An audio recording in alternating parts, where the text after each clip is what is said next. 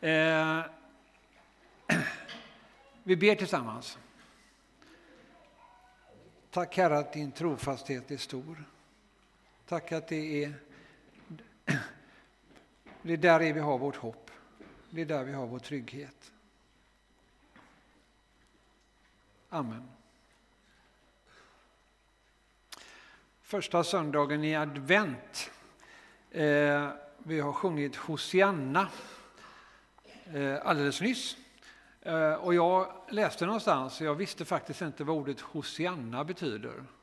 Men det kanske är en del av er som vet, men jag ska inte ha någon frågesport här utan jag ska säga att det betyder kom till vår hjälp eller rädda oss. Kom till vår hjälp eller rädda oss. Och det kan man tycka är lite konstigt i den, så att säga, den sången som vi sjunger, men så är det i alla fall. Och det är någonting som kan, kan stå som rubrik också för dagens predikan. Eh, där en av eh, texterna för den här söndagen kommer ifrån Uppenbarelseboken 3, 20-22. Vi får se om vi får upp den texten på väggen här. Eh, jag läser. Se, jag står vid dörren och bultar. Om någon hör min röst och öppnar dörren ska jag gå in till honom och äta med honom och han med mig. Den som segrar ska jag låta sitta hos mig på min tron liksom jag har segrat och sitter hos min fader på hans tron. Den som har öron hör vad Anden säger till församlingarna. Ett ganska välkänt bibelord. Eh, och den kommer ju i slutet av de så kallade sändebreven. Det är sju stycken brev ni vet i början på Uppenbarelseboken som, som då sänds till de olika församlingarna som står som någon sorts typförsamlingar och som får ett, ett visst och ganska tufft budskap ifrån Jesus, för det är Jesus som talar. Och det här, det här kommer i slutet på texten i det brev som skickas till församlingen i Laodicea, eller Laodikeia, jag vet inte hur det ska uttalas riktigt, det ser, eh, ser lite olika ut. Det går inte att riktigt ta reda på det eftersom den staden inte finns längre. Den fanns ju då, men den är numera bara en ruinstad. Eh, och jag har inte riktigt koll på den, dessa sändebreven till de olika församlingarna. Jag kommer inte riktigt ihåg vilken församling som fick vilket brev och sånt där. Vilket kan tyckas märkligt eftersom vi var faktiskt på en församlingsresa till västra Turkiet här för ungefär 14 år sedan, tror jag. Eh, och då besökte vi samtliga sju Eh, församlingar som fick dessa här breven. Och bland annat då Laodikeia, eller Laodicea, som är den, den, den ort som låg längst söderut och längst österut av de sju församlingarna. Eh, och dessa sändebreven är ganska tuffa budskap till församlingarna och det är lite olika grad av ska säga, uppmaning eller, eller man kan säga nästan kritik som Jesus ger till församlingarna. Och den som får allra mest kritik den heter Sardes, eh, den församlingen. Och där, där säger då eh, ängeln, läser det här brevet då, där, där det står att, att eh, församlingen är död. Men näst mest kritik kan man säga då får Laodicea. Eh, och eh, jag ska läsa den texten också för att få in den här, den här predikotexten i sin kontext. Det är från vers 14 i kapitel 3. Så säger han som är Amen, det trovärdiga och sanna vittnet, början till Guds skapelse. Jag känner dina gärningar, du är varken kall eller varm, om du ändå vore kall eller varm, men nu är du ljum och varken varm eller kall, och därför ska jag spy ut dig ur min mun. Du säger, jag är rik, jag har vunnit rikedom och saknar ingenting. Det där tror jag vi känner igen, det är en ganska jobbig text, eh, det här med ljumhet, och det finns väldigt mycket man kan säga om det. Eh, och när vi var där, och det kanske ni har läst någonstans, ni som inte har varit där, men, men att eh, det här med ljumhet, varken kall eller varm, men ljum, det har liksom en väldigt speciell bakgrund. Den här staden Laodicea var väldigt rik. Där fanns det, de tillverkade salver som var väldigt lönsamma. De tillverkade tyger som var lönsamma. Och de tillverkade, eh, eh, nej, men de hade inget vatten. De hade ont om vatten. Det var en torr trakt så att de fick forsla dit vatten i en stor akvedukt, alltså en lång vattenledning ifrån Hieropolis som låg en bit därifrån och som hade varma källor.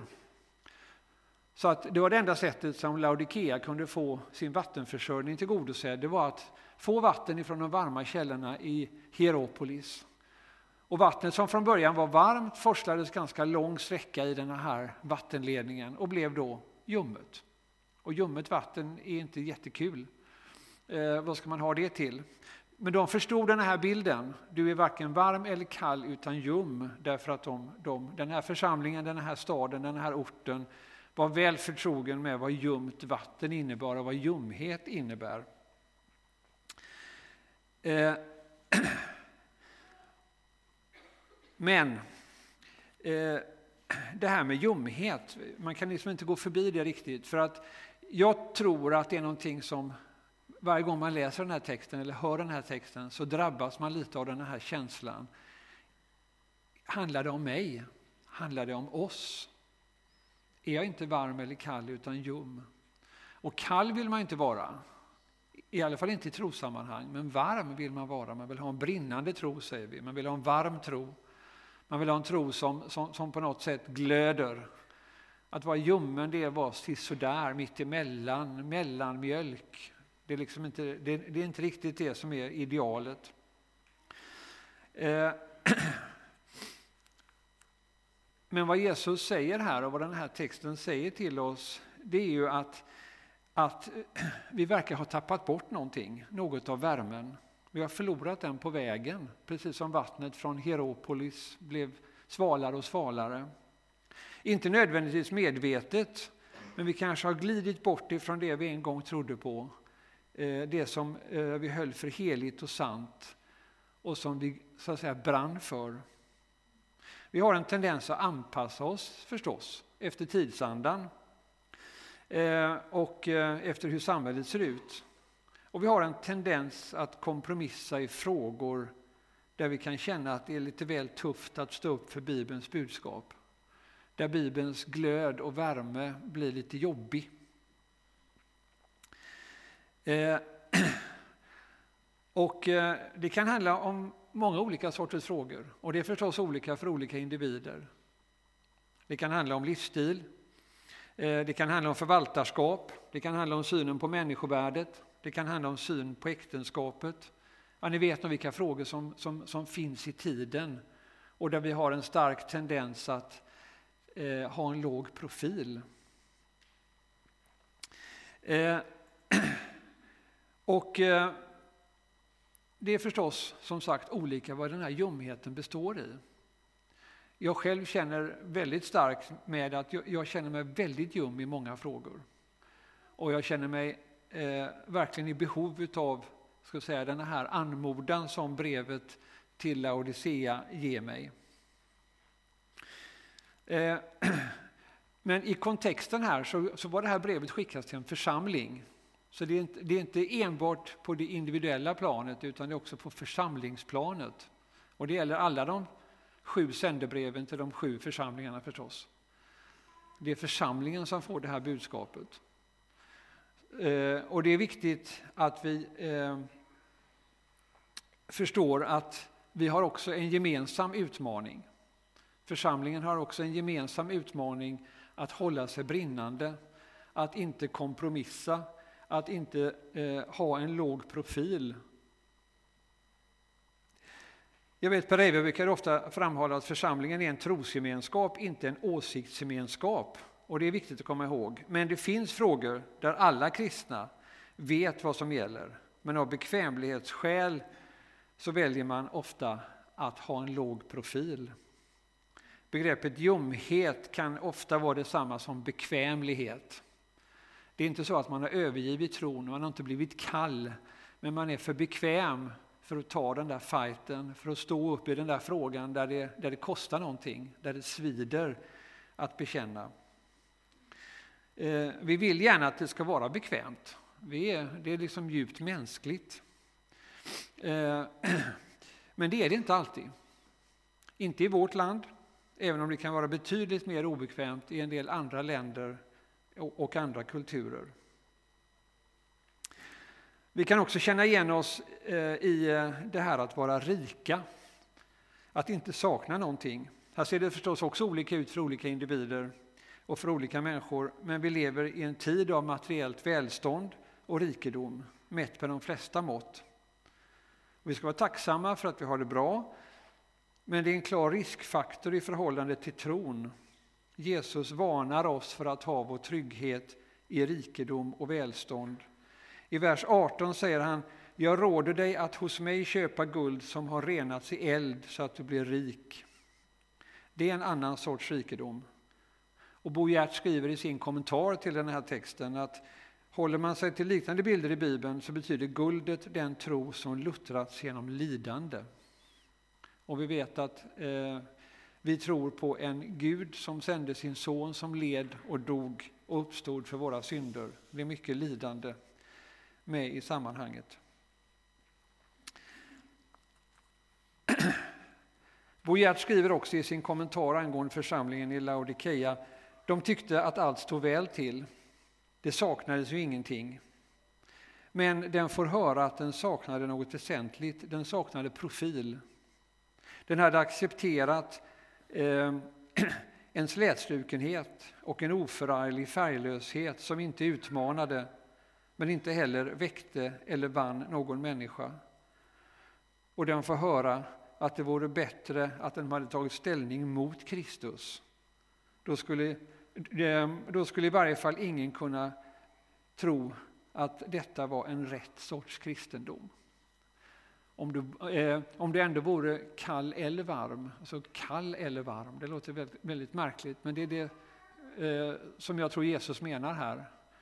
Att den här ljumma, den här halvdana eh, varianten av kristen tro kan skrämma bort människor, kan lura människor.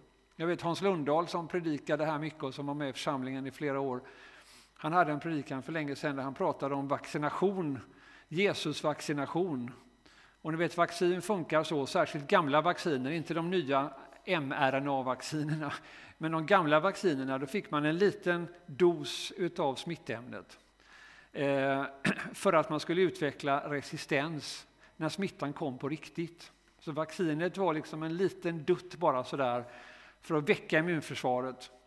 Och sen när man då väl drabbades av smittan så hade man antikroppar mot, mot det här smittämnet.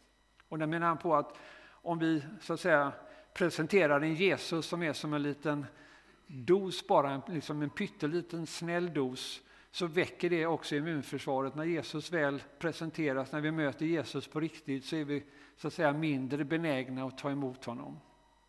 Jag tror att det är en ganska bra bild som man lätt kommer ihåg. Men tillbaka till texten då i vers 20-22. Eh, ni kommer ihåg den? Jag vet inte om vi ska, vi ska ta upp den igen kanske, eh, så vi får påminna oss om den om ni inte kommer ihåg den. Eh, det är ju den här texten som börjar med det. Se, jag står vid dörren och bultar. Eh, den brukar ibland eh, användas eh, så som ett exempel på hur Jesus söker upp människor som inte tror och utmanar dem.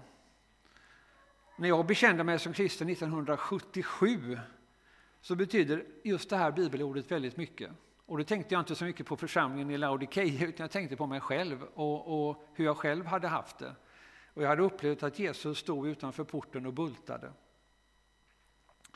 Och när prästen som vigde Kikki och mig i september 1978 eh, i vigselsamtalet frågade om det var något bibelord som hade betytt särskilt mycket, så kom jag ihåg det här, att det var det här som hade betytt särskilt mycket för mig. Så att eh, det är alltså både en maning till var och en av oss, men i den här kontexten då kanske främst till församlingen och församlingsmedlemmar som bedrar sig själva, som riskerar att missa målet. Men dagens text har ett annat fokus.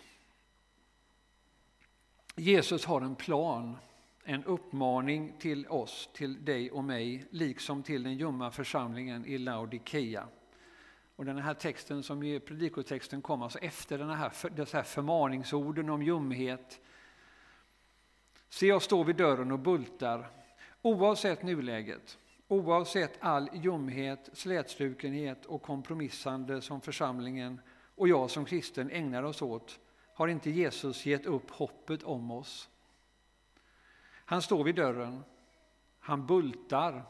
Det står knackar eller klappar på i en del översättningar. Men bultar känns liksom mera boom. Det är riktigt eh, svårt att värja sig för det ljudet. Och han vill att vi öppnar för honom. Och den här porten kan bara öppnas inifrån. Jesus tränger sig inte på, han sliter inte upp dörren och rusar in i våra liv, i våra hjärtan, i församlingens liv eller hjärta. Men han finns där utanför och det är upp till oss att öppna porten. Den kan alltså bara öppnas inifrån. Han vill komma in och det är vårt beslut han väntar på. Det är inte för sent. Men det kommer en dag när det är för sent. Och när man läser den här texten, när det, när det handlar om portar, så kommer jag att tänka på förra gången jag predikade här. Det är inte säkert att ni kommer ihåg exakt vad jag predikade om, men, men, men då, då, ehm, då handlade texten om den trånga porten. Så man kan säga att det är som en röd tråd här med portar. Vi får se vad som händer nästa gång. Ehm, det står, ehm, där Jesus säger i Lukas eh, kapitel 13. Den som vill bli räddad måste gå in genom den trånga porten. Gör därför allt för att komma in genom den. Sanningen är att många ska försöka men inte lyckas. Och när husets herre väl stigit upp och låst porten är det för sent. Om ni då står utanför porten och bankar och ropar Herre öppna för oss, så ska han svara Jag känner er inte. Det är en annan situation, jag, jag, ehm, jag är medveten, men det är en port och den gången är det för sent. Men ännu är det inte för sent. Vi kan läsa den här texten ifrån, äh, ifrån Uppenbarelseboken 3.20-22. Han står fortfarande vid porten och bultar och säger om någon hör min röst och öppnar dörren ska jag gå in till honom och äta med honom och han med mig. Jesus bultar inte bara, han talar också till oss. Och kanske ska bultandet då förstås som något mer uppfordrande eh, som vi inte riktigt kan värja oss för, medan Jesu röst är det milda tilltalet. Och vi vet ju att Jesus lever och han talar till oss genom den helige Ande, genom sitt ord. Det är så viktigt att vi lyssnar efter den rösten, att vi läser ordet. Men det räcker inte med att höra, att läsa ordet. Vi måste öppna dörren, vi måste öppna vårt hjärta och det är något vi måste göra om och om igen. Ljumhet och kompromissande är något vi hela tiden återfaller i. Det är ingenting som vi kan göra en gång för alla och sen tro att allt är frid och fröjd. Jesus beskriver då också vad som händer. Jag ska gå in till honom eller henne och äta med honom och han med mig. Måltidsgemenskapen är något speciellt. Evangelierna talar om det nattvarden givetvis, men också den uppstående Jesus när han äter med lärjungarna på stranden eh, efter fiskafångsten och när han följer med Emmausvandrarna in och äter tillsammans med dem så är det ett ska säga, tecken på väldigt nära gemenskap. Jag tror att alla har erfarenhet av det. Och sen fortsätter Jesus. Den som segrar ska jag låta sitta hos mig på min tron, liksom jag har segrat och sitter hos min fader på hans tron. Jesus har vunnit segern. Egentligen är allting klart, men samtidigt ligger ansvaret hos oss. Den här texten visar det väldigt tydligt. Att segra med Jesus, att ta hans seger i anspråk.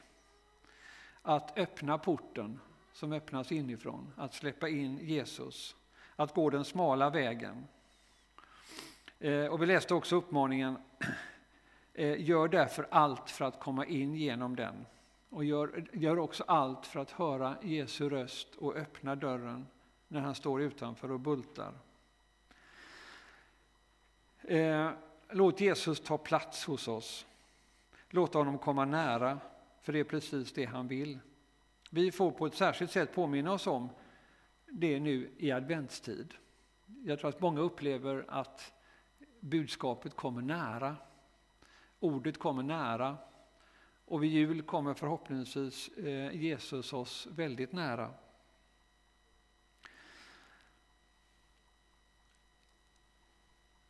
Och eh, vi får komma ihåg vad Jesus säger eh, till, till församlingarna i sändebreven. Jag tillrättavisar och tuktar alla dem jag älskar. Visa iver och vänd om. Jag tillrättavisar och tuktar alla dem jag älskar. Visa iver och vänd om. Jesus stryker inte bara medhårs, tvärtom. Det kanske är precis de situationerna när vi känner att det är tufft att stå upp för den kristna tron, när vi känner att det är tufft att samhället inte tycker om oss, att vi säger saker och ting som inte är populärt. Det kanske är just då som vi på det tydligaste sättet visar vår värme. Och på det tydligaste sättet också tar vårt kors på oss och eh, gör vår tjänst för Kristus. Det är viktigt när vi pratar om Jesus, har, eh, han är ständigt aktuell och, det pågår eh, ständigt diskussioner och debatter. Eh, och jag vet inte om ni följer med så noga, men att det, alltså just nu har det pågått en debatt, eh, eller så att säga kommit upp frågor. Vilken Jesus är det som förkunnas? Jesus är ju bara ett namn. Vilken Jesus är det som förkunnas?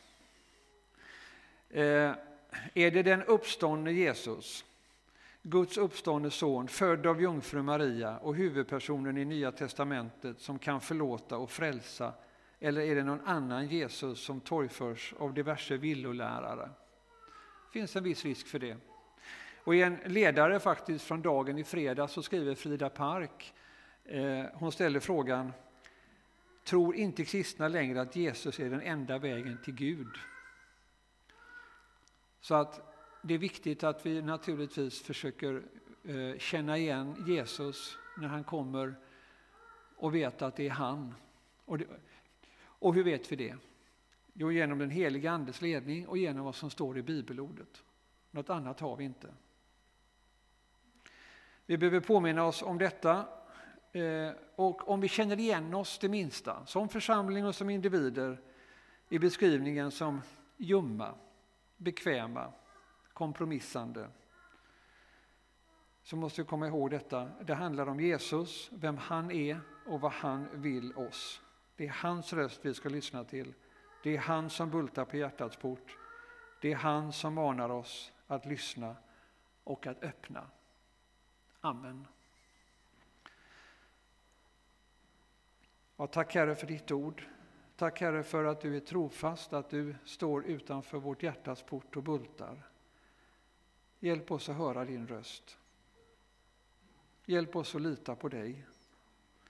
Hjälp oss att våga vara de vi kallade till i Kristus.